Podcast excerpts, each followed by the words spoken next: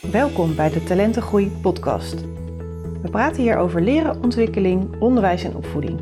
Mijn naam is Karen Dijkstra en in deze podcast ga ik in gesprek met auteurs, coaches en andere experts die anders denken en doen als kinderen leerproblemen hebben op school. En hierbij kijken naar kwaliteiten en talenten in plaats van tekorten. Positief en praktisch. Met deze podcast krijg je inspiratie, nieuwe inzichten en tips, zodat jij een kind vanuit talent kan helpen groeien.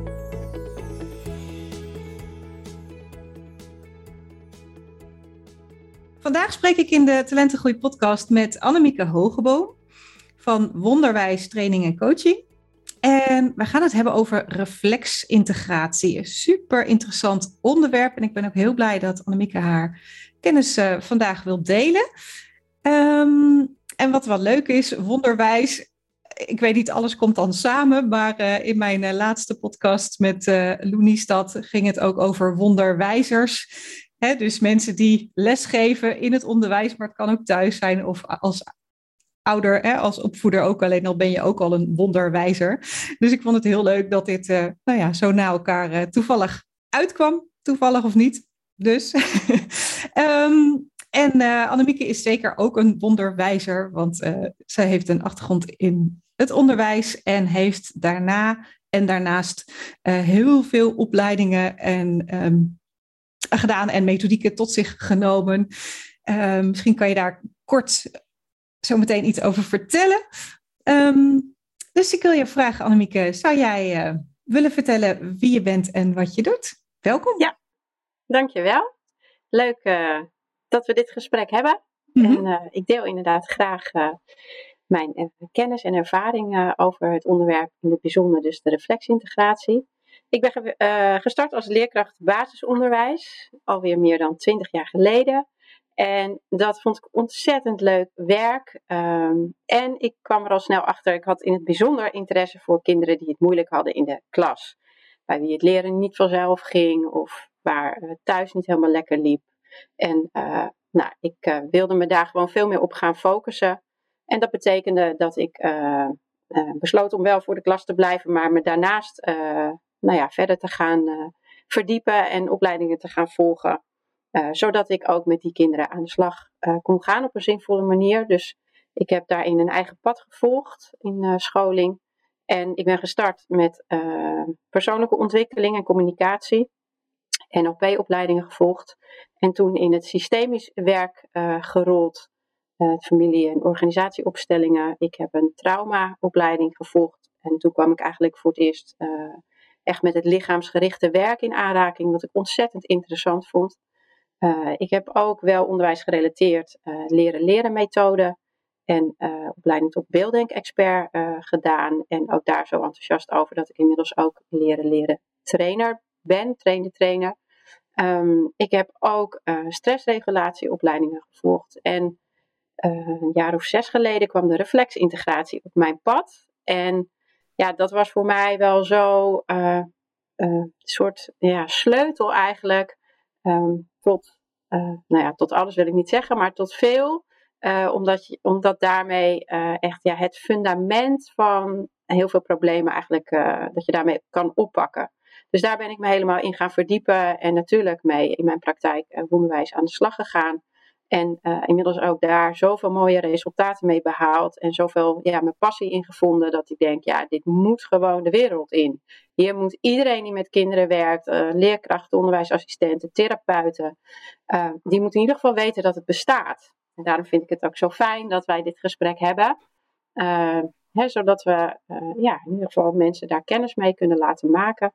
En, uh, en ik leid dus inderdaad inmiddels ook mensen op, zodat zij, uh, ofwel op school of in hun eigen praktijk, ook met reflexintegratie aan de slag kunnen. Dus dat is waar mijn werk nu uit bestaat. Enerzijds het werken met cliënten in mijn praktijk, in Castricum. En daarnaast begeleid ik ook nog leerlingen op school, in het kader van passend onderwijs.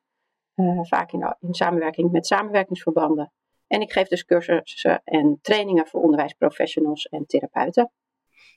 Ja, super waardevol uh, dat je dit allemaal zo doet. En heel leuk inderdaad dat je ook zegt van nou, dit moet de wereld in. En dat is ook precies uh, wat ik met de Talentgroei podcast wil. Dat er zoveel mooie uh, ja, methodieken of zienswijzen zijn. Um, waarvan je eigenlijk al steeds denkt van ja, dit moet gewoon iedereen weten die met kinderen werkt of die met hen. Dus, um, en dit is daar ook eentje van. En we hebben natuurlijk uh, vooraf even met elkaar gesproken. En, um, en jij zegt ook van ja, ik kom heel veel kinderen tegen die vastlopen op school op een of andere manier. En ik benader dat dan vanuit die lichaamsgerichte manier hè, in de aanpak. Um, en je hebt ook op je website zo mooi staan van het is een medicijnvrije aanpak voor leersensorische, emotionele en gedragsuitdagingen. Hè? Dus ja. een mooie omschrijving. Kun je ons vertellen wat in, of in het kort, dat zal misschien niet lukken, maar wat is reflexintegratie voor iemand die er nog helemaal nooit van gehoord heeft, bijvoorbeeld? Ja, nou, het is, uh, uh, alle baby's worden geboren met actieve babyreflexen. Die zijn in het menselijk systeem ingebouwd van nature. En die ontstaan al tijdens de zwangerschap. Dus als het kindje nog in de baarmoeder zit. En die reflexen hebben een hele belangrijke functie. Want het allerbelangrijkste doel is in eerste instantie het überhaupt overleven. Mhm. Dus al als, als embryo het omgaan met stress bijvoorbeeld in de baarmoeder. Um, en ook uh, doet het een eerste aanzet tot de motorische ontwikkeling. En we zien ook een bepaalde reflex die zo rond de 16, 18 weken actief wordt in de baarmoeder. Die zorgt ervoor dat het kindje uh, meer, hè, de, de, armpjes en beentjes die aan het groeien zijn, dat die uh, al een beetje gaan bewegen. En dat betekent ook dat dat het moment is dat de moeder voor het eerst dat kindje gaat voelen, bijvoorbeeld. Hmm. En tegelijkertijd, door die bewegingen ontstaan er nieuwe neurale verbindingen in het brein. Dus door die bewegingen groeit het brein verder. Uh, nou, ook daar is een eerste aanzet natuurlijk al uh, tijdens de zwangerschap. Um, en na negen maanden is dat kind eigenlijk nog helemaal niet klaar. Maar goed, omdat we anders veel te groot zijn om nog op een natuurlijke manier door het geboortekanaal naar buiten te komen, um, uh, heeft de natuur daarvoor gezorgd. en ook daar spelen de reflexen een belangrijke rol in dat, hè, dat het kindje naar buiten komt. En door hè, druk bijvoorbeeld op het hoofdje en op de schouders, dat het kind een rotatiebeweging gaat maken. Om op die manier ook door het bekken en geboortekanaal naar buiten te kunnen. Dus uh, die reflexen die, die pieken eigenlijk tijdens de geboorte. En hebben een hele belangrijke functie bij. En, uh, en wat ik al zei, het brein is nog helemaal niet uitgegroeid als een kindje geboren wordt. Uh, dus dat kind is no nog vrij hulpeloos. Bewegingen gaan nog heel ongecoördineerd, heel onbewust. En uh, in, die eerst, in dat eerste levensjaar maakt het brein een enorme groei door. En ook de motorische ontwikkeling. En dat wordt allemaal aangestuurd vanuit die reflexen. Dus die reflexen zorgen allereerst voor automatische bewegingen. En bijvoorbeeld een babytje dat het hoofdje draait naar links zal aan, aan dezelfde zijde van het lichaam het armpje en het beentje ook strekken. Um, en dat helpt hè, als je een paar maanden bent en je ziet voorwerpen, dan uh, vanuit de natuurlijke ontwikkeling en de nieuwsgierigheid van een kind wil die zo'n voorwerp gaan pakken. Nou, dan is het heel handig als je hoofd ergens naar kijkt, dat jouw hand daar vanzelf al is. Hmm. Um, en, en daar heeft de natuur dus prachtig voor gezorgd dat die bewegingen tot stand komen.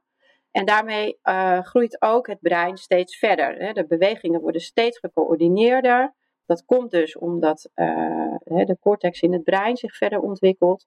En na ongeveer een jaar, dat is heel grof weg, maar om het even simpel te houden, mhm. ehm, is het brein zo ver ontwikkeld dat het kind eigenlijk de meeste bewegingen een soort van bewust kan aansturen.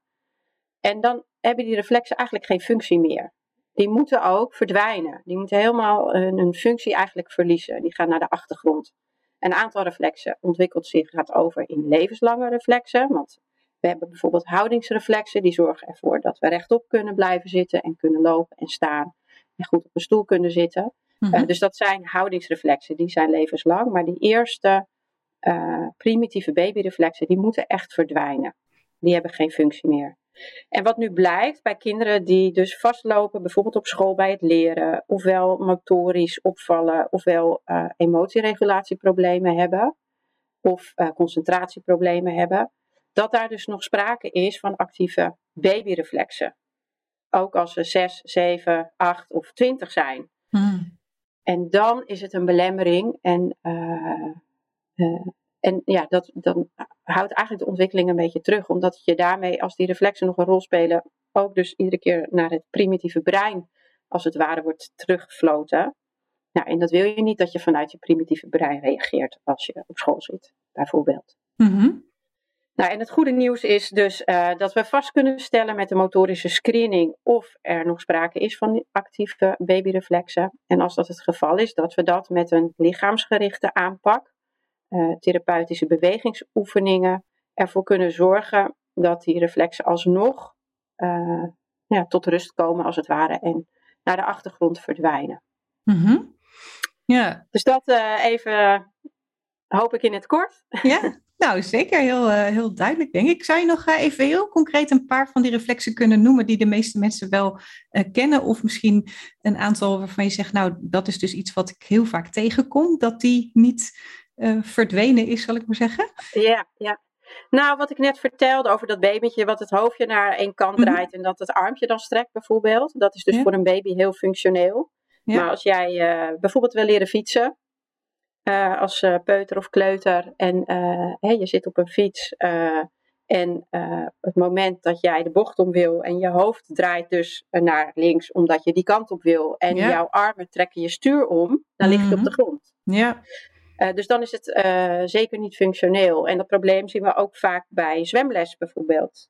Kinderen, er is een reflex die ervoor zorgt dat je je hoofd uiteindelijk kan bewegen zonder dat er andere lichaamsdelen meedoen. Hmm. He, bij een babytje, als je het hoofdje naar binnen trekt, dan trekt het hele lijfje naar binnen. Hmm. Um, maar als je in het zwembad ligt en je moet dus blijven drijven en je tilt je hoofd op, dan is het niet de bedoeling dat jouw lijf daarin uh, helemaal uh, weer naar omlaag getrokken wordt. Nee. Dus dat zijn ook allemaal signalen hè, bij kinderen bij wie uh, het zwemmen zeer moeizaam verloopt, zeer langdurig is, of die dus nou ja, niet tot de juiste techniek komen. Er eigenlijk altijd wel sprake is van nog actieve reflexen. En dat geldt ook voor kinderen met leesproblemen, dyslexie. -hmm.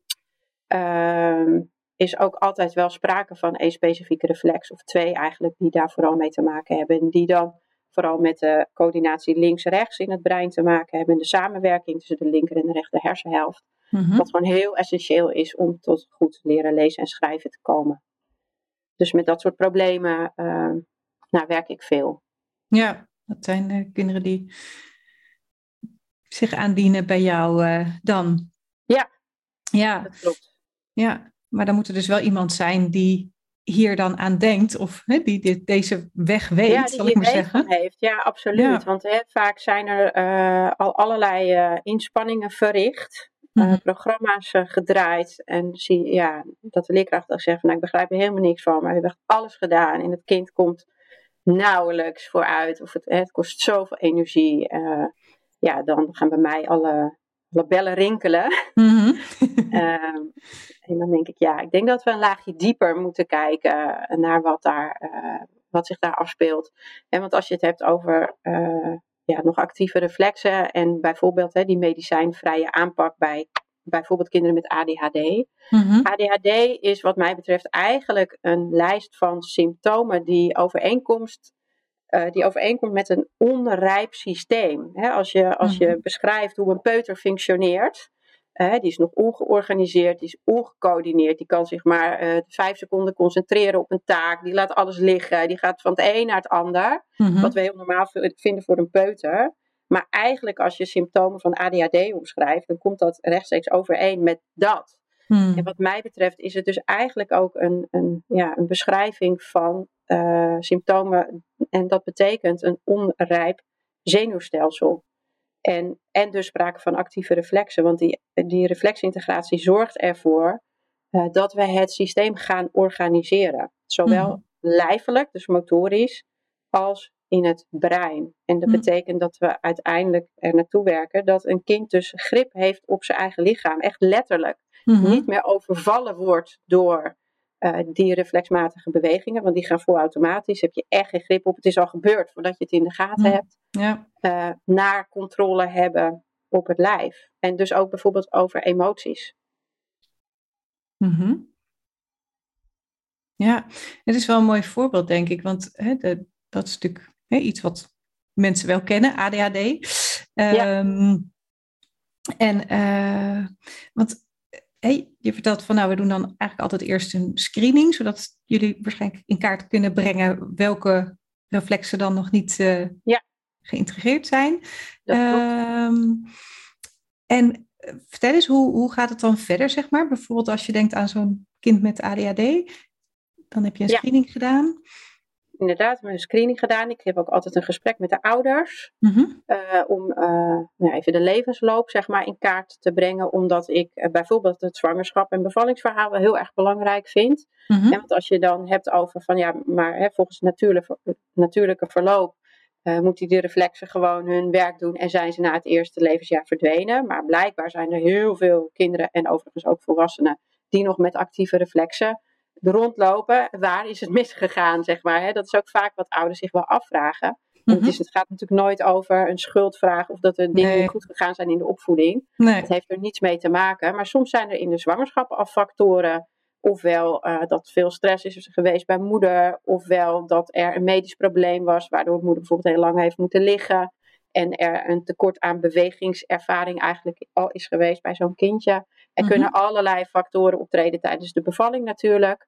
Het, eigenlijk alles wat niet natuurlijke eh, weg uh, is gegaan, zijn factoren die van invloed kunnen zijn op uh, de ontwikkeling van die reflexen. Dus een, een keizersnede, of de navelstreng om de nek, of een vacuümverlossing.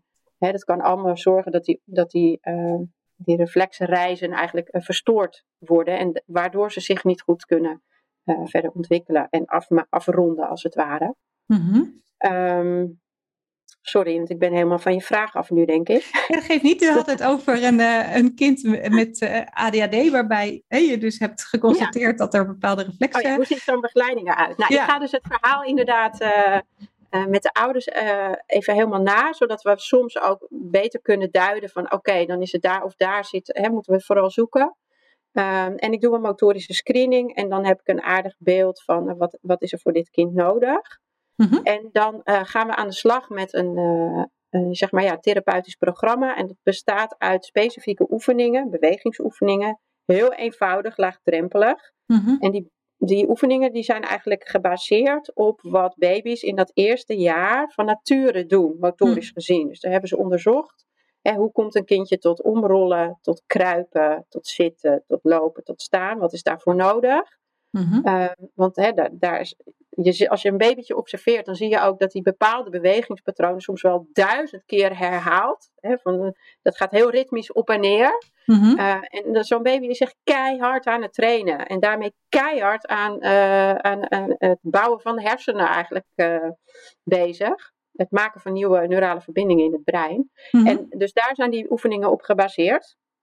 En die oefeningen, dat, die hebben wel een hele specifieke instructie nodig. Dus in de eerste deel van het traject ben ik ook intensief met de ouders bezig, omdat het oefeningen zijn die zeer regelmatig uh, thuis moeten worden gedaan. Het liefst wel dagelijks mhm. eh, en kort. Dus het gaat om een tijdsinvestering van een paar minuten per dag, eigenlijk, die de ouder dan met het kind bezig is om aan specifieke oefeningen te werken. En dan zie ik kinderen zo één keer in de drie weken samen met hun ouder bij mij in de praktijk. En dan mhm. kijk ik van nou, in hoeverre hebben de oefeningen al hun werk gedaan? Uh, wat is er nog nodig? Uh, en dan stel ik iedere keer het programma bij. Uh, ook om het aantrekkelijk te houden natuurlijk voor kinderen. Want er zijn vaak meerdere oefeningen die aan, de, aan eenzelfde reflex werken. Mm-hmm. Dus ik volg daarin heel erg het kind ook. Wat, is, wat voelt prettig? wat vindt een kind leuk om te doen? Uh, zeker met hele jonge kinderen, want ik werk ook wel voorschoolse leeftijd, dus met peuters bijvoorbeeld, hm. gaan we vooral heel erg spelende wijze aan de slag. En dan giet ik het in die vorm die past bij de leeftijd. Ja. En geef ik ouders suggesties hoe ze dat thuis ook vorm kunnen geven. En dan volg ik dat op, ja, eigenlijk net zo lang totdat we het, uh, het doel hebben bereikt. Hè, tot tot uh, nou, bijvoorbeeld het kind weer mee kan komen op school, of het kind weer goed kan slapen, of geen last meer heeft van woede-uitbarstingen bijvoorbeeld. Mhm. En, dan, uh, en dan ronden we uiteindelijk uh, het traject af. En ja, gemiddeld uh, duurt zo'n traject wel een jaar, omdat, dat, hè, omdat een kind dat ook nodig heeft van 0 tot 1 om tot die organisatie in het lijf te komen. En eigenlijk doorlopen we dat programma ja, een soort van opnieuw. En afhankelijk van welke reflexen en hoeveel reflexen nog actief zijn, gaat dat bij de een natuurlijk wat sneller dan bij de ander. Hmm. Ehm, maar dat, het is geen quick fix. Hè? Dat zeg ik ook al tegen ouders. Het is niet even een kunstje wat je doet en uh, hier is mijn kind en fix het. Zo werkt het sowieso niet. Nee. Het is echt heel belangrijk dat de ouder betrokken is. En, en het mooie daarvan is ook dat je ziet dat de relatie tussen ouder en kind vaak uh, heel positief bekrachtigd wordt. Omdat ze er samen mee aan de slag gaan. Ja. ehm, ja, dat is een heel mooi neveneffect eigenlijk. Ja, ja leuk. Het is eigenlijk een beetje hetzelfde patroon uh, als hoe ik werk inderdaad. Oh, dus uh, ook met de ouder erbij. Ze moeten het samen thuis doen. Niet lang, maar wel het liefst iedere dag even. En um, ja, nou ja, je ziet inderdaad die band ook, ja. ook vaak sterker worden. En um, ja, leuk. En um, ik zat even te kijken, want ik had uh, een uh, screenshotje gemaakt. Um, want moest ik aan denken, uh, wat je net zei, van hè, die, die repeterende bewegingen ook, bij de mhm. kleine kindjes al. Dat, even in het Nederlands, hij staat hier in het Engels, maar dat hè, wetenschappers hebben onderzocht dat het 400 keer herhalen hè, van iets zorgt voor een nieuwe verbinding in de hersenen. -hmm. Tenzij het door uh, een vorm van spel is gedaan, dan hè, is het maar um, twintig keer nodig om te herhalen. Ja, ja, ja, ja, ja. ja absoluut. Ja, spel is heel belangrijk voor kinderen. Daar pleit mm -hmm. ik ook echt voor, uh, voor veel en langdurig spelen, ook binnen de scholen. Mm -hmm. Uh, omdat inderdaad al lang wetenschappelijk bewezen is dat kinderen dan veel sneller leren. En dat heeft natuurlijk ook te maken met hè, spel zorgt vaak voor plezier. En plezier zorgt dat je lekker in je lijf zit, dat je je goed voelt. En als je je goed voelt, ja, dan ben je veel leerbaarder. Mm -hmm. uh, en dat is ja, en de veiligheid daarin, het, het, je veilig voelen in je eigen lijf als eerste, is bij mij echt wel een belangrijk uitgangspunt. Ja. En dat is natuurlijk zeker in deze tijd waarin we leven, uh, best wel een ding waaraan, uh, ja, hoe zeg ik, aan geshort wordt, aan getrokken wordt, aan geduwd mm wordt bij, bij zowel kinderen als volwassenen. En ik zie dat ook wel, dat, dat hè, kinderen daar last van hebben en daar soms op vastlopen zelfs. Mm -hmm. en ook daarin geven oefeningen uit de reflexintegratie dus een hele mooie ingang om op een laagdrempelige manier um, die veiligheid weer te hervinden in jezelf. Ja. En hè, als je die vindt, dan, dan kun je ook pas weer de buitenwereld op die manier mm -hmm ja, goed aan en betreden. Ja, ja. toen je net aan het vertellen was, schoten me allemaal dingen te binnen. Is hè, dat als een babytje geboren wordt, even het weer helemaal terug, maar ja. dan wordt natuurlijk die uh, apkarscore hè, uh, ja. gedaan. Dus daar zitten deze dingen ook in, volgens mij. Hè? Of dat, misschien is het alleen maar dat. dat uh, nee, dat, is niet alleen maar dat. Ja, er zitten wel een aantal reflexen in, dat klopt. Dan zou je denken van in ieder geval op dat niveau van de reflexen, dat dat meegenomen wordt, bijvoorbeeld naar het consultatiebureau. Is dat, want eh, kijk, als ouder. Nou, je, was het maar waar. Nee, nou goed, dan stel ik deze vraag. Ja, ja nee, de, de, dat, is niet, uh, dat is niet helemaal hetzelfde.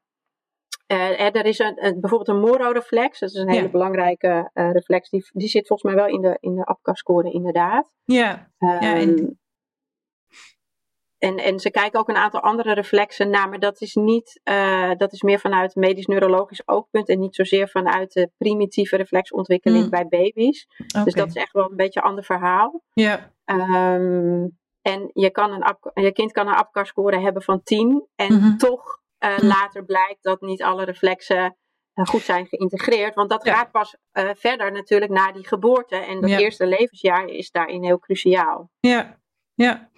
Ja, maar je zou dus denken dat er daarna, hè, met deze kennis, dat je dan daarna een soort, uh, nou ja. Ja, dat is mijn, echt wel mijn, mijn droombeeld, zeg maar. Dat mm -hmm. dat onderdeel wordt van de, van de, van de medische screen, uh, ja, screening en de medische meetmomenten op het consultatiebureau. Want ja, mm. hoe eerder je daarbij bent, ja. hoe makkelijker je hè, daar kinderen weer op het goede pad kunt zetten. Ja. Uh, en dat zal heel veel problemen later op school voorkomen. ja. ja. Ja. En dat is ook waarom ik zo graag wil dat, dat veel meer mensen hiervan weten. Mm-hmm. Uh, en ook zeker uh, de, de, de leidinggevende of de, de, de groepsbegeleiders op de kinderdagverblijven, peuterspeelzalen en zo. Maar ook ja. zeker op het consultatiebureau. Uh, ja. Dat in ieder geval er iets van weten. Ja. Mm-hmm. ja. ja, en daar komen nou ja, toch de meeste kinderen sowieso langs, zeg maar. Kijk, ja, niet, niet ieder ouder kiest ervoor om een kind naar of hoeft, hè, uh, of om welke reden dan ook, dat een kind op een kinderdagverblijf komt. Dus dan hè, kan het, maar dan komen ze in ieder geval wel daar voor de controles. En je zou denken, nou, dit is ook zo belangrijk dat dat ook wordt meegenomen. Ja, dit, uh, zou echt prachtig zijn als dat uh, straks ingepast kan worden. Ja, ja. ja en of, wat mij betreft, als, ik dacht ook aan. Kleuterleerkrachten. Ja, zeker. Ja, je hebt het al over natuurlijk uh, problemen met lezen, spellen. Nou ja, hè, daar gaan we mee aan de slag. Uh, nou ja, voorbereidend al, ook al zelfs bij de kleuters. Maar nou ja, het gas gaat er natuurlijk echt op vanaf groep drie. Ja. Hè? En ik zie vanuit mijn kant inderdaad vaak dat kinderen het eigenlijk heel goed doen tot en met groep 2, maar dat daarna pas hè, de problemen uh, beginnen. Ja. Nou, vanuit hoe ik er naar kijk, zie je daar ook een aantal dingen in. Weer methodetechnisch ook. Maar, uh, maar ik denk dat dit ook zeker een uh, grote rol daarin kan, uh, kan spelen. Hoe,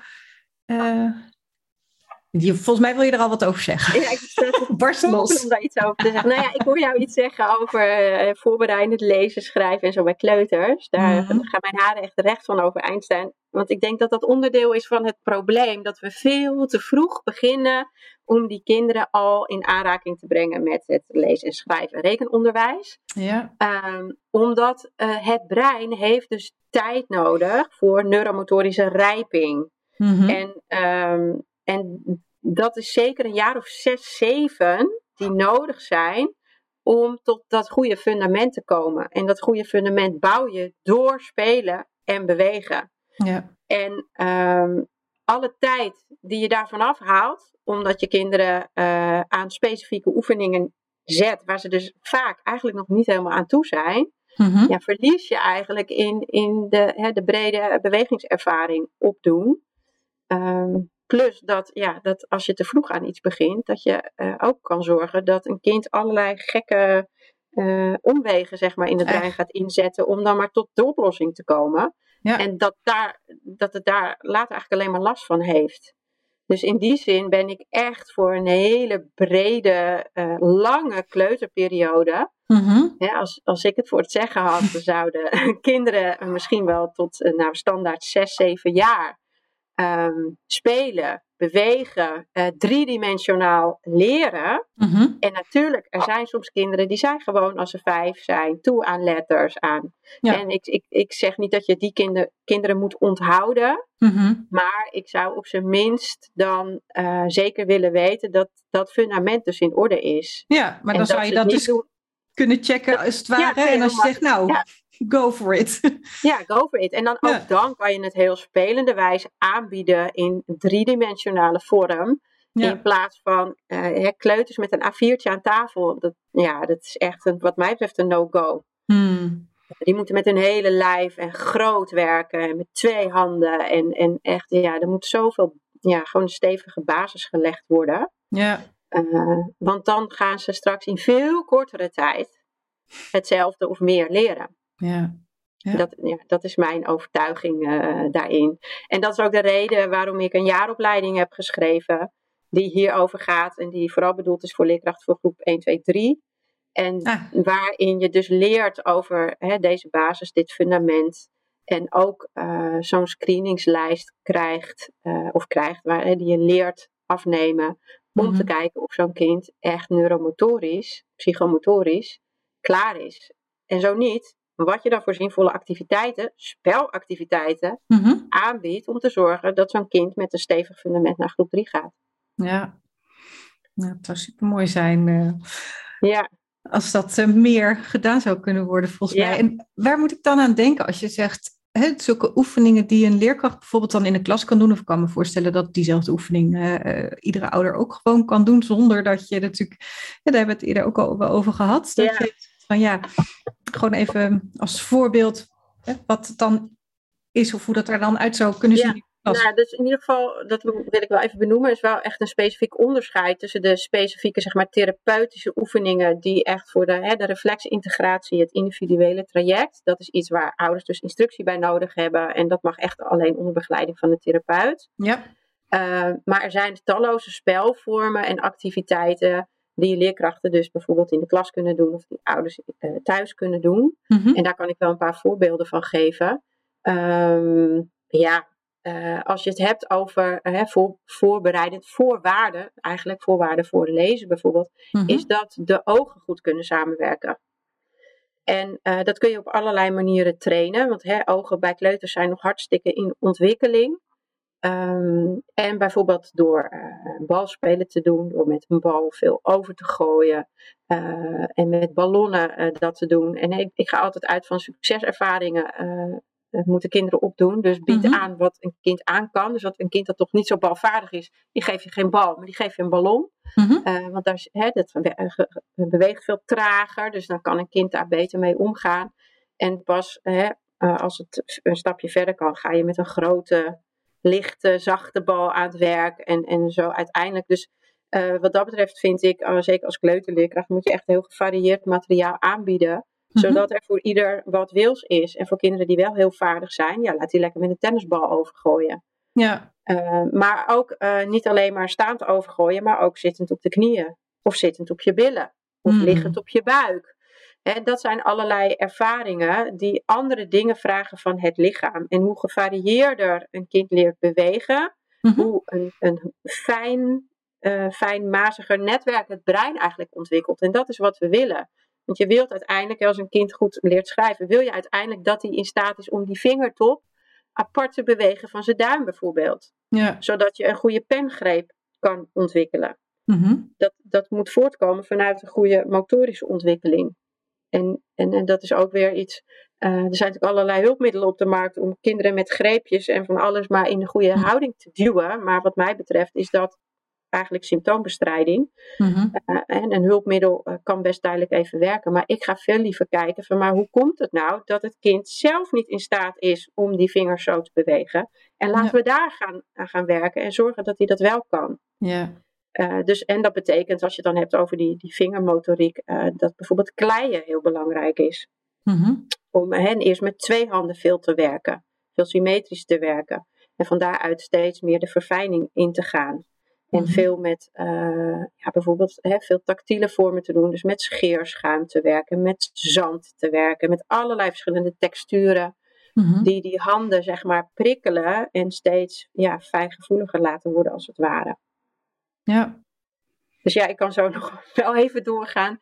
Uh, er zijn talloze uh, manieren uh, ja, waarbij je kinderen specifieke dingen laat, laat oefenen. Ja. Maar het zit vooral in de bewegingsvariatie dus. Hmm. Ja. Ja, ja, je kan kinderen laten rennen, maar laat ze ook eens achteruit rennen. En laat ze ook eens zijwaarts Oeh. rennen. En laat ze ook eens op hun knieën rennen. Dat, dat soort variaties zorgt voor ja, een, een betere coördinatie eigenlijk. Ja, zo grappig. Ik uh, zag net vandaag een uh, filmpje op uh, LinkedIn. die was gepost, of eigenlijk, hoe zeg je dat? Doorgestuurd door Susanne ja. Buis. Dat is ook een podcastgast van mij. Zij um, werkt veel... Je kent haar ook persoonlijk ook? Ja. Nou, leuk. um, met hoogbegaafde kinderen, zeg maar. Maar ze zegt, ja, die hebben vaak ook nog niet zo'n hele handige motoriek. En dit was dan een oefening uh, waarbij uh, degene die de oefening ook had voorgeschreven, ik weet niet precies wat zijn achtergrond was, maar uh, want er stond volgens mij iets bewegingsagoog. Maar goed, dan denk ik, ja, dan is dat een heel breed uh, iets natuurlijk. Maar dat hij op een stoel zat en zijn voeten die uh, stonden op twee eigenlijk omgekeerde schoenendozen, zal ik maar zeggen. En de ene was blauw en de andere was rood.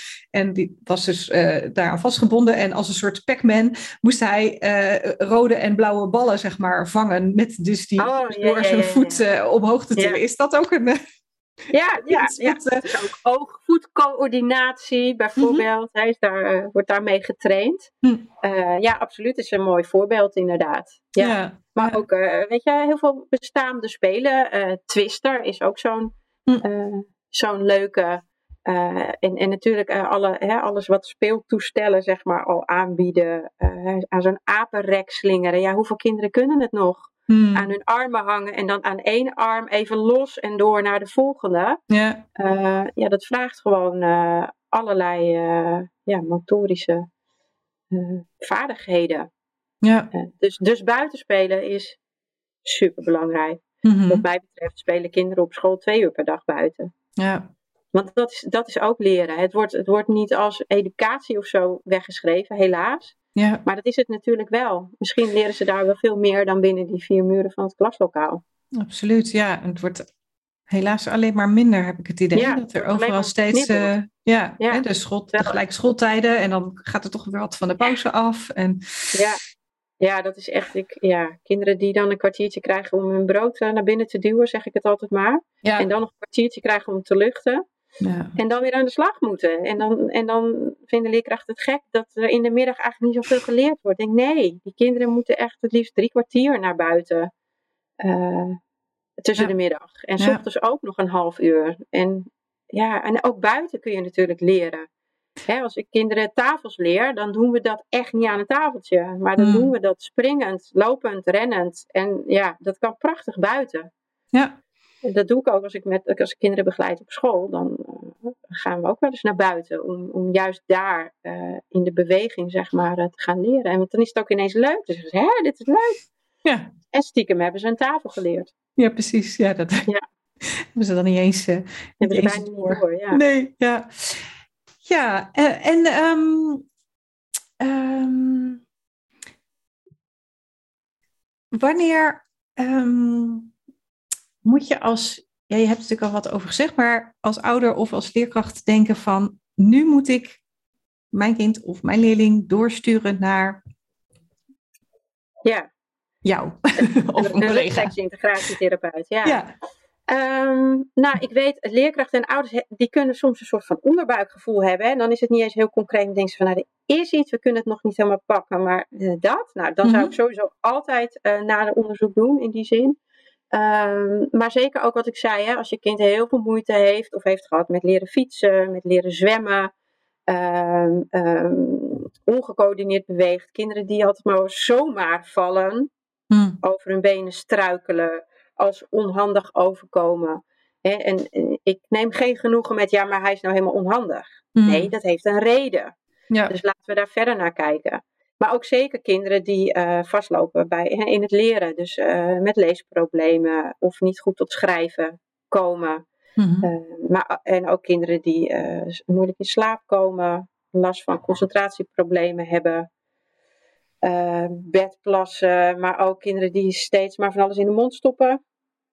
En dat komt ook vaak voort uit een reflex, Mhm. omdat daar dan nog een enorme ja, of zuig- of kauwbehoefte is. Of nou ja, er staat dan nog iets aan wat niet meer aan moet staan. Ik heb wel eens een kind gehad die altijd bloot op op school, bleek. Ging met buikpijnklachten naar de dokter. Eh, maar zo'n hang naar er moet iets in die mond zitten. Hè, Die Mhm. va- gaan vaak aan truien, jassen eten en dat soort dingen. Nou, dat zijn echt, dan moet je meteen naar de bel trekken. Want dan Mhm. is daar echt wel iets aan de hand op het gebied Ja. van die reflexen. Eh, ja, kinderen waarbij die pengreep maar niet goed lukt. Eh, nou, eigenlijk alles waar je enige extra inspanning voor hebt gedaan, maar niet het gewenste resultaat geeft.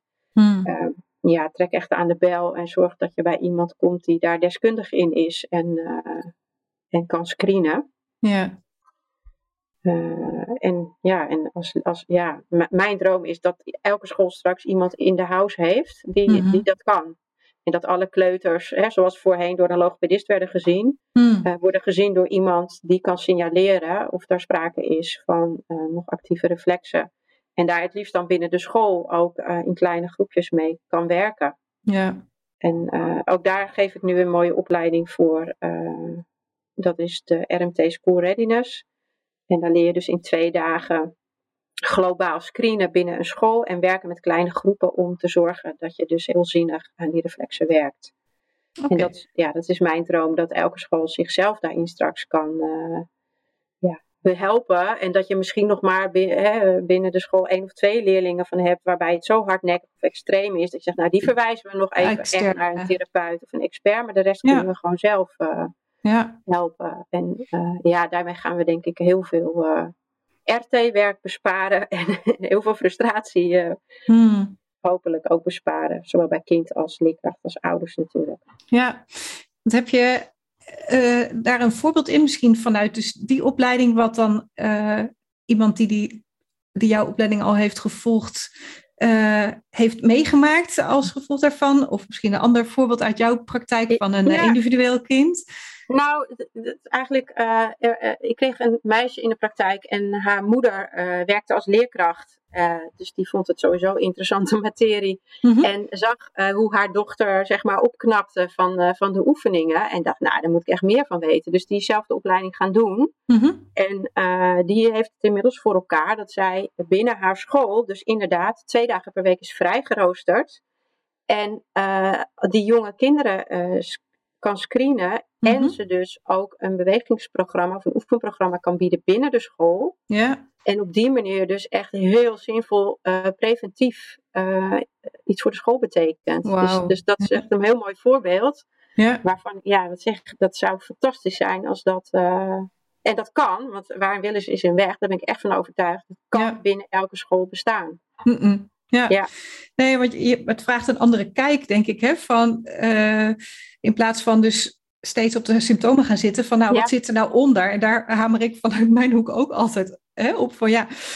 En dat vind ik ook weer zo leuk dat je dat ook zegt, van eigenlijk zo min mogelijk hulpmiddelen, want hè, je wil echt naar de oorzaak. En hè, in, nou ja, ook wat je in het lezen uh, onderwijs veel ziet van ja, als kinderen dan vastlopen van nou dan hè, gaan ze met een andere methodiek werken, maar dan uh, moeten ze alles uh, in gekleurde blokjes leggen. Nou, ik zeg altijd Ja. om inzicht te geven in de structuur van een taal, dat je dan even tijdelijk iets met kleurtjes doet of wat dan ook, prima. Maar eh, je moet daar wel weer van af, want ja, uh, geen tekst in een boek ziet er zo uit. Dan kun je weer zeggen, nou kunnen we het omzetten op de computer en dat als kleurtjes geven. Maar pff, weet je, dat, dat kan nooit de bedoeling zijn. En, Nee, nee, en ook daar in dat voorbeeld, dat, is, dat vind ik een mooi voorbeeld. Als jij, hè, als je het lezen niet lukt, maar jij, hè, het lezen, dat is nu eenmaal een lineair proces. En er zijn afspraken over, eh, we lezen van links naar rechts, tenminste in onze cultuur. mm-hmm. Um, maar als jij in je lijf nog niet snapt dat je überhaupt een links en een rechts hebt en Mm. waar die dan zitten,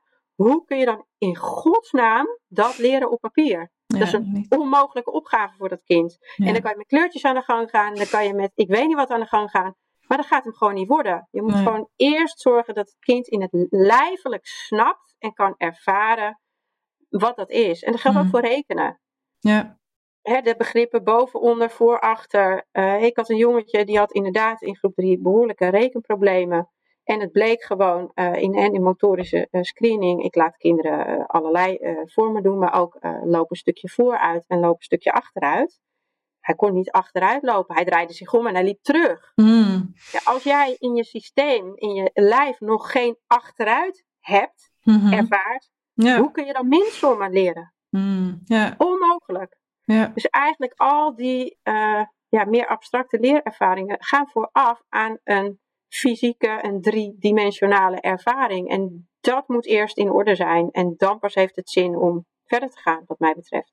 Ja. Ja.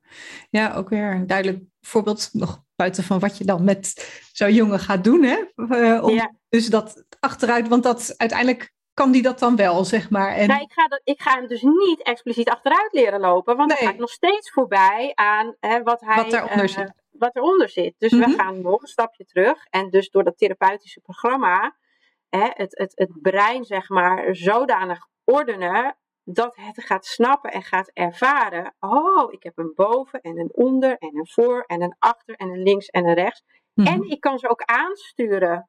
En ik kan ze ook onafhankelijk van elkaar aansturen. Mm-mm. En nou, ik geloof drie, vier maanden later heb ik dat testje herhaald. Toen liep hij achteruit en toen keek Mm. zijn moeder met stralende ogen naar mij van... Ah.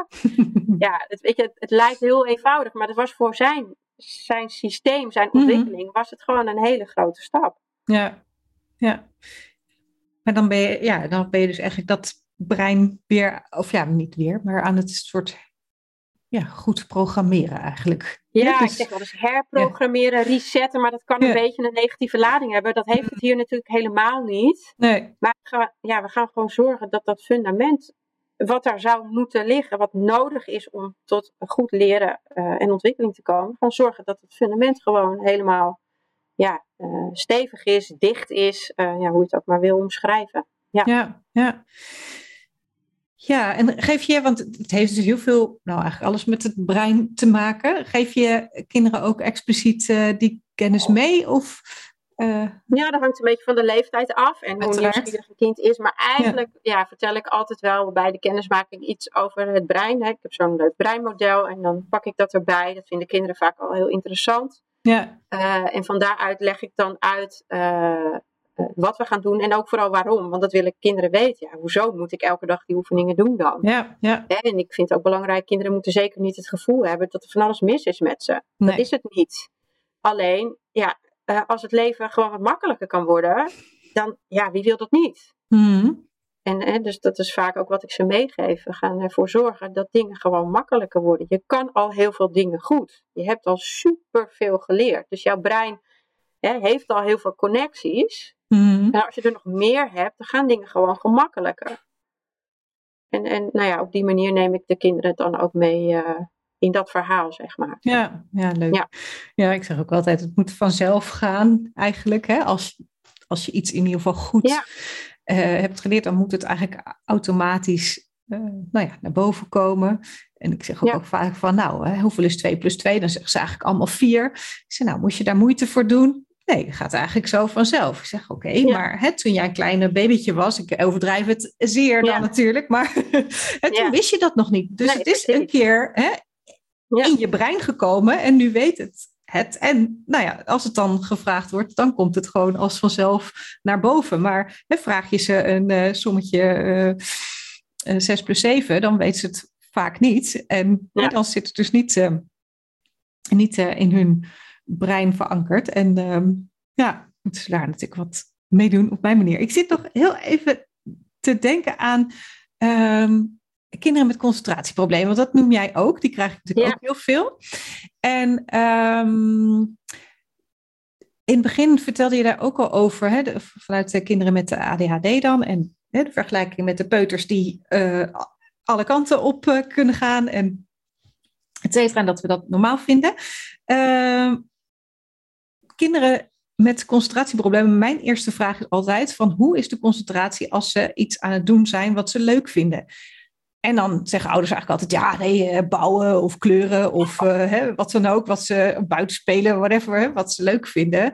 Dat kunnen ze uren doen, bij wijze van spreken. Hoe zie jij dat en hoe, um, wanneer is nou iets echt, zeg maar, in die concentratie dat je er vanuit de reflexintegratie iets mee moet? Of wanneer is het nou ja, misschien wat ik bedoel ook, en, en jij zegt ook van kinderen moeten weten waarom ze iets doen. Dus hè, als ze het nut ergens van inzien, nou ja, hè, dan is de motivatie en nou, ook weer de concentratie. Dus alles grijpt natuurlijk ook weer in elkaar ergens. Ehm, hoe zie jij dat? Nou ja, het verschil is denk ik met name wel als een, dat een kind ook zelf aangeeft, ik heb er geen grip op. Het mm. overkomt me. Ik wil best opletten. Ik wil best die woordjes leren. Maar mm-hmm. voor ik het weet, sta ik weer met mijn neus bij de kast. Of voor ik het weet, uh, zit ik met mijn buurvrouw te kletsen. En dan wordt mhm. juf weer boos op me. Maar ik wil dat niet. Maar dat het, ja, zeg maar dat het ze overkomt. En dat is dus een signaal dat ze geen voldoende grip nog hebben op hun eigen systeem. En dat ze dus nog door die reflexen, vanuit mm een primitieve reactie, eigenlijk reageren. Onbewust. Ja, ja. Oké, en de reacties die jij net benoemde, die zijn ook wel heel erg van, oh, ik ben aan het kletsen of ik sta bij de kast of ik hè, doe iets anders. Dus dat zijn wel die hele duidelijke waarneembare uh, afleidingen, zeg maar. De kinderen die meer in hun hoofd afgeleid zijn, dus de dromerige kinderen of ja, die, dat, dat is ook een uitzichtvorm, dagdromen. Ja. Die zijn zich daar vaak wat minder van bewust, totdat, ja. maar wel dat ze tot de orde geroepen worden vaak. Ja, precies. Of dat ze hun werk niet af hebben daardoor. Een stukje uitleg gemist hebben. En, en daardoor het verhaal niet meer kunnen volgen. En helemaal niet omdat ze het niet zouden kunnen snappen. Maar gewoon omdat ze de helft gemist hebben, letterlijk. Ja. Uh, dus dat, dat zijn ook signalen. He, ja, en het is ook niet natuurlijk, vaak is het niet het kind dat zelf aan de bel trekt. Het zijn nee. de ouders of het is de leerkracht die signaleert. Mm -hmm. ja. Uh, en, maar ik werk ook wel met pubers bijvoorbeeld. En die kunnen vaak heel goed zelf aangeven uh, waar het probleem zit, zeg maar. Mm -hmm. En waar ze last van hebben. Ja. Ja. En nou ja, je zei al van, hè, dan, ik pas de oefeningen aan op, uh, op de nou ja, leeftijd en interesse ook, denk ik, hè, van, uh, mm -hmm.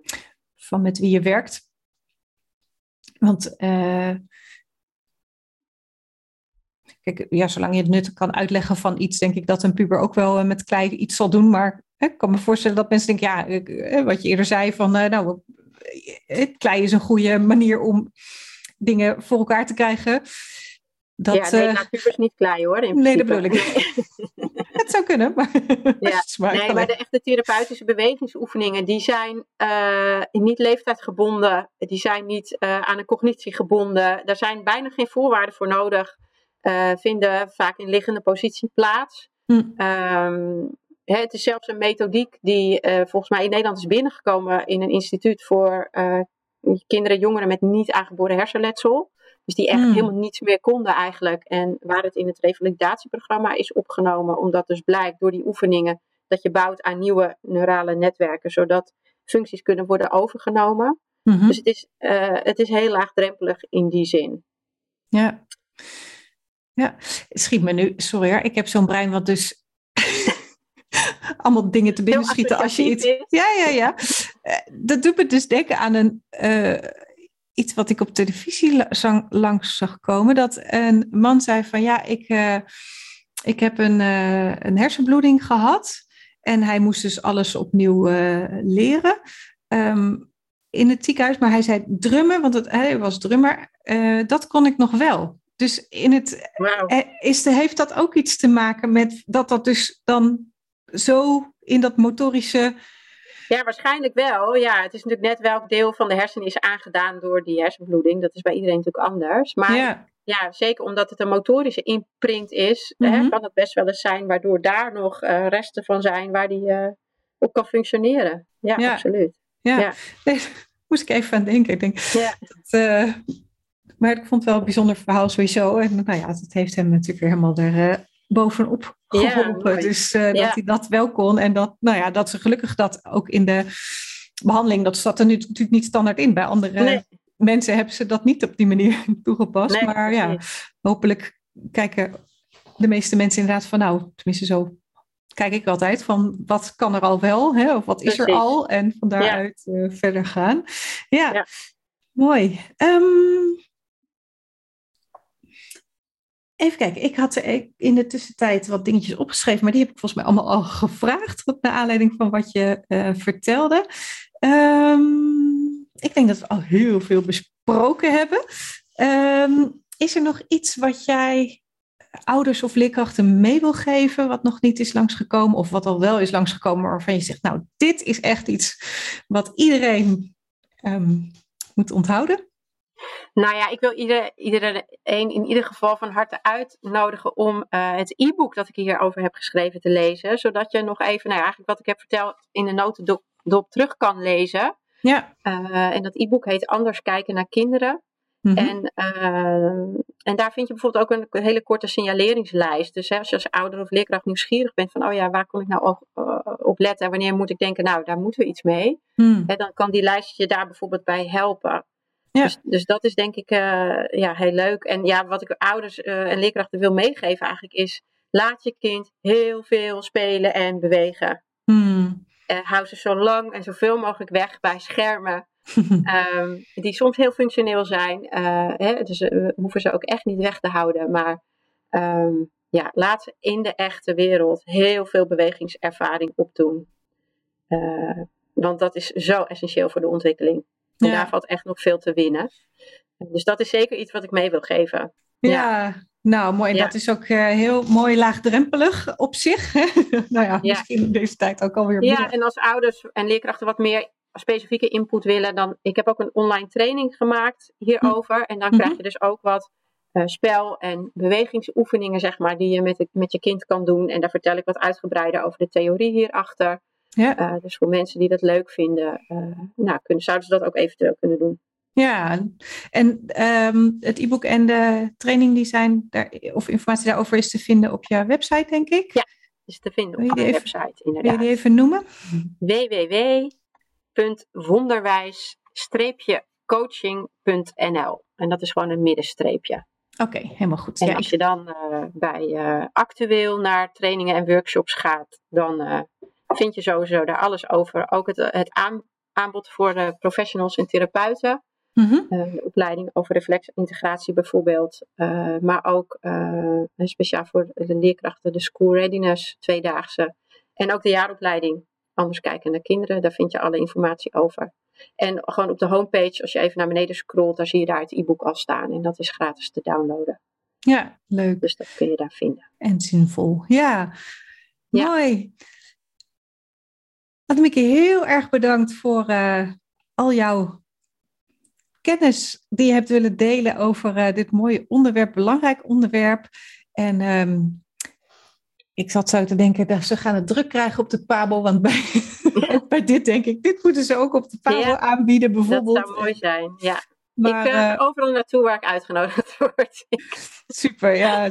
ja. want jij geeft ook lezingen. En, ja, ik geef ook lezingen inderdaad. Workshops, ja. Workshops hierover, ja. ja. Heel graag deel ik mijn kennis. En ja, draag ik mijn steentje bij om dit zoveel mogelijk in onderwijs en therapieland nou, te laten landen. Hè? Ja. Ten, ten, ten, goede van alle kinderen die aan het opgroeien zijn. En ja, ja, supermooi. Want ik denk dat het zo waardevol is als je zoveel meer preventief kan werken. Hè? En ik zie daar ook heel veel mogelijkheden uh, in. Maar dit is ook zeker een onderdeel uh, ja, wat gewoon preventief zo waardevol kan zijn. Uh, ja, absoluut. En dat heel veel dingen kan voorkomen en echt op heel veel vlakken gewoon. Hè? Dus op, wat, oh, dat had ik nog willen vragen. Nou, sorry mensen, we zijn nog niet klaar. Dat zijn bijna. um, nee, nou ja, je hebt natuurlijk vaak hè, de labels, diagnoses. Um, hè, eentje, de, de, ADHD is natuurlijk al langsgekomen, maar um, de DCD-kinderen, dat zijn denk ik ook kinderen uh, waar dit speelt. Zijn er nog meer ja, dat je zegt uh, diagnoses of overdiagnoses misschien, hè, die kant op. Dat, het, dat je zegt ook van ja, eigenlijk. Ja, nou, dyslexie is er dus één. Ja. En, en het, het, mooie daarvan vind ik, of het mooie, uh, neurologisch gezien, uh, eh, 5% van de kinderen zou dyslexie hebben. Hmm. Maar 15 of inmiddels misschien wel 20% van de kinderen in ons onderwijssysteem hebben een dyslexieverklaring. Hmm. En die gun ik ze van harte, daar gaat het niet om. Maar er zitten echt heel veel misdiagnoses tussen. En ik denk dat misschien wel in alle gevallen, hè, ook de kinderen die echt wel dyslexie hebben, ook gebaat zijn bij een reflexintegratieprogramma. Omdat ze mhm. daarbij gewoon een beter, beter fundament hebben, zeg maar, uh, voor het leren lezen. Ja. Dus dat is zeker ook een diagnose. Maar ook de, de tossers, de, de logopedie-klanten, mhm. zeg maar. Ja. Omdat er een, een specifieke reflex gekoppeld is aan de hele taalontwikkeling en de mondmotoriek. Oké. Okay. Uh, dus het is fijn, ik krijg steeds meer logopedisten in mijn opleiding. Mhm. Eh, zodat die uh, dat in ieder geval ook signaleren en daar eventueel zelf ook in de praktijk een stukje therapie op kunnen zetten. Ja, mooi. Ergotherapie, ja, eigenlijk, ja, dat zeg ik, iedereen die met kinderen werkt en met de ontwikkeling bezig is, ja, mm zou, het zou fijn zijn als die hier in ieder geval iets van weten. Ofwel door daar zelf maar mee te doen, ofwel ze in de juiste richting te verwijzen. Ja, precies. Ja. En, en alle labels zijn wat mij betreft in een bepaalde vorm sprekend voor een ja, neuromotorische onrijpheid. Ja. Ja, dus zaak om daar uh, oog voor te hebben en uh, mee aan de slag te gaan. Nou, dat was een mooie, mooie, maar in ieder geval uh, was nog een vraag die ik had liggen. En ergens had je het natuurlijk al wel aangegeven, inderdaad, maar ik moest toch even specifiek denken aan nou ja, de, de kinderen die ja, echt een label ook op dat motorische krijgen en de het TOS, de taalontwikkelingsstoornis, is ook um, ja. Eén en supermooi dat ook logopedisten. Ja. En ik ontken die labels dus niet, hè? Maar ik denk gewoon dat we die kinderen nog beter, breder kunnen helpen hiermee. Ja, ja zeker. Mooi. Nou, dankjewel. En uh, ik hoop dat veel mensen je e-book gaan downloaden of uh, zelfs de, de, training gaan volgen, zodat zij daar ja, ook wat mee kunnen met hun kind of hun leerling. Ja, nou heel erg bedankt voor dit gesprek. Nou, ik vond het leuk. Ik ook. Dus, uh... En uh, nou ja, ik uh, kom graag in contact met mensen. Dus ze kunnen me vinden via de website. Ja, en ik zet het linkje ook altijd even in de beschrijving. Ja. Dus dan kun je het daarvan vinden. Oké, okay, ja. dank je. Super, dankjewel. Dankjewel voor het luisteren naar deze aflevering. Wil je op de hoogte blijven van nieuwe afleveringen? Abonneer je dan door in je podcast-app te klikken op de button abonneer of subscribe. Vind je deze aflevering interessant en ken je iemand die baat zou hebben bij deze podcast? Dan zou ik het super vinden als je de podcastaflevering deelt of doorstuurt. Bijvoorbeeld door een screenshot te maken of de link te delen vanuit iTunes of Spotify. Klik op de drie puntjes en vervolgens op delen. Zo help jij andere ouders of collega's in het onderwijs en daarmee nog meer kinderen bij wie leren niet vanzelf gaat.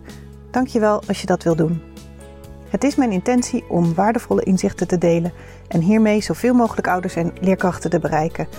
En een handvatten te geven zodat zij kinderen kunnen helpen hun talenten te leren kennen en in te zetten. Zodat ieder kind weer met plezier en vol zelfvertrouwen naar school gaat. En zij als kind en als volwassene kunnen leren en leven vanuit talenten. Ondersteun je mijn missie? Geef mijn podcast dan bij reviews bijvoorbeeld 5 sterren En als je wil ook een geschreven review. Dit kan heel makkelijk in jouw podcast-app. Loopt jouw kind of leerling vast op school en heb je het gevoel dat het anders kan? Lees dan mijn boek In 10 stappen leren vanuit talent. Ik zou het leuk vinden als je het bestelt via mijn website, maar het is ook te koop via alle boekhandels of te leen in de bibliotheek. Ik vind het altijd leuk om berichtjes te ontvangen van jou als luisteraar om te horen wat je van een aflevering vindt of als het je een bepaald inzicht heeft gegeven. Stuur me dan even een mailtje via karen.talentengroei.com of een persoonlijk bericht via LinkedIn of Instagram. Zoek op Karen Dijkstra. Karen is met een E. En talent en groei, dan kan het niet missen. Dit kan uiteraard ook als je een vraag of suggestie hebt. De audiobewerking van deze podcast is verzorgd door Jeroen Sturing. Ik kijk alweer uit naar een volgende podcast. Graag tot dan.